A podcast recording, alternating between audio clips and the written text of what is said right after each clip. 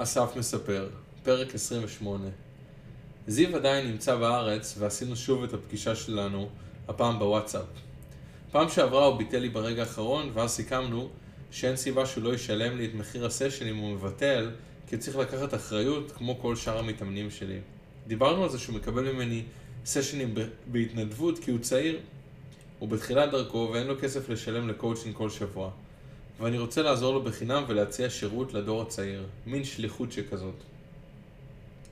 דרך אגב, אחרי שהתחלתי לעבוד עם זיו, התחלתי להציע עוד מספר מקומות אצלי לעוד כמה אנשים צעירים בחינם, ופרסמתי בפייסבוק שאני עושה קואוצ'ינג בחינם לצעירים שרוצים להתקדם בחיים, אבל אין להם הכנסה כרגע.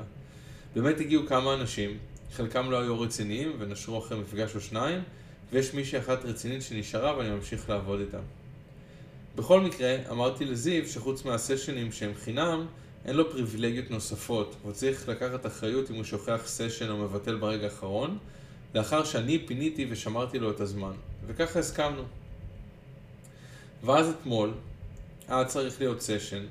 מבחינתי, זה היה תקוע לי באמצע היום, ולא יכולתי לצאת מהבית, כי הייתי צריך לחזור בזמן לסשן שלנו, אבל זו הייתה האופציה היחידה מבחינת היום והשעה שלזיו התאים להיפגש, ולא רציתי לדחות אותו לשבוע לאחר מכן. אז הסכמתי לשעה, לסשן בשעה שלא נוחה לי וביום שלא נוח לי, וחזרתי הביתה במיוחד לזמן של הסשן. ואז זיו ביטל את הסשן רבע שעה לפני. אז עכשיו הוא חייב בתשלום אחד של סשן כמו שסיכמנו. קצת ריחמתי עליו, כי אין לו הרבה כסף. מצד שני, המחיר שהוא משלם לי לסשן לא יעשה אותו הומלס. אולי זה ילמד אותו שיעור באחריות להאריך את הזמן של אנשים אחרים. הוא מבין את זה והוא היה סבבה עם זה. וגם סיכמנו על זה מראש, ככה שהכל מבחינתי היה בסדר.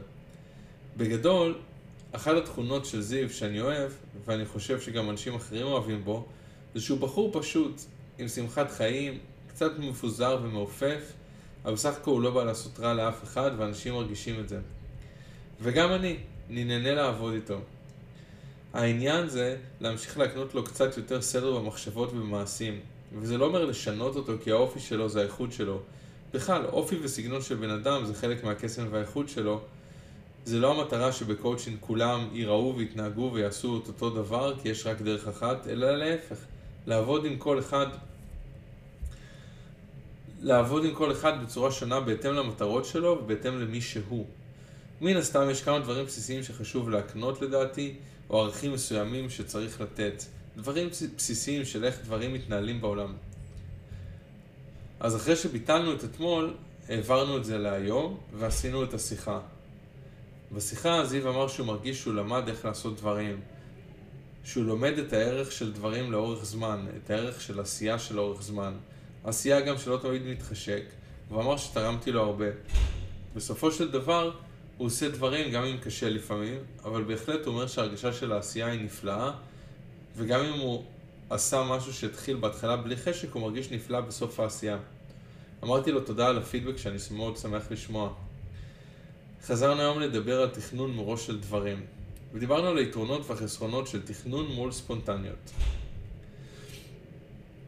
למשל, אמרתי לו שאם הוא מתכנן יום חופש מראש, מאשר סתם יום שנמרח בלי שהוא תכנן, בסוף הוא לא עשה כלום. אז ביום חופש מתוכנן מראש אפשר לקבוע דברים.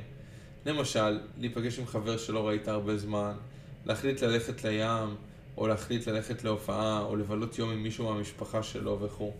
זה יכול להיות גם כמובן לקרות ספונטנית, וגם לזה יש ערך. אבל יש ערך שונה לתכנון של דברים.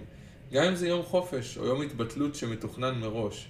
ביום חופש שמתוכנן מראש אפשר לעשות יותר דברים, גם אם זה לעשות כלום. דיברנו גם על העניין של להמשיך לרשום דברים ביומן. למשל, אמורים לשלם לו על הופעה במרץ, שזה עוד חודשיים, כסף על הופעות שהוא עשה בארץ. אז ישר מומלץ לרשום ביומן תזכורת במרץ, תשלום על הופעות. אותו דבר דיברנו, אותו דבר לגבי מה שדיברנו פעם. נגיד תלמיד התעניין בשיעורי קלרינט, בסוף אמר, אמר לו לדבר אחרי חנוכה. אז אפשר לשים את השם שלו ביומן, אחרי חנוכה תזכורת לדבר איתו. ואז יש את העניין של לשים תאריך אה, של שרשרת של משהו יותר מורכב. מה זה בעצם תאריך שרשרת של משהו יותר מורכב? למשל, קבעתי הופעה חשובה נגיד בפארק הירקון, אז לשים את התאריך של ההופעה עצמה ביומן, אבל זה לא מספיק, כי אמורים לקרות עוד דברים בשרשרת לפני ההופעה עצמה. כל דבר צריך לשים ביומן בזמן שמתאים לו. למשל, אם צריך לשלוח הודעה לעיתונים על ההופעה חודשיים לפני, אז צריך לשים כבר עכשיו את התאריך הזה ביומן. אם צריך לקבוע חזרות עם ההרכב שבוע לפני, אז כבר עכשיו לקבוע את החזרות ולשים ביומן. אם צריך לפרסם את ההופעה בפייסבוק שבועיים לפני, אז כבר עכשיו לשים את התזכורת ביומן בזמן המתאים. אותו דבר לגבי דברים אחרים. למשל, אם אתה מתכנן מפגש עם משקיעים שאתה עובד איתם, או טיול עם החברה שלך, או הגשת מועמדות ללימודים באוניברסיטאות, מומלץ בהקדם לפרק את המשימות לתאריכים ספציפיים ולשים ביומן.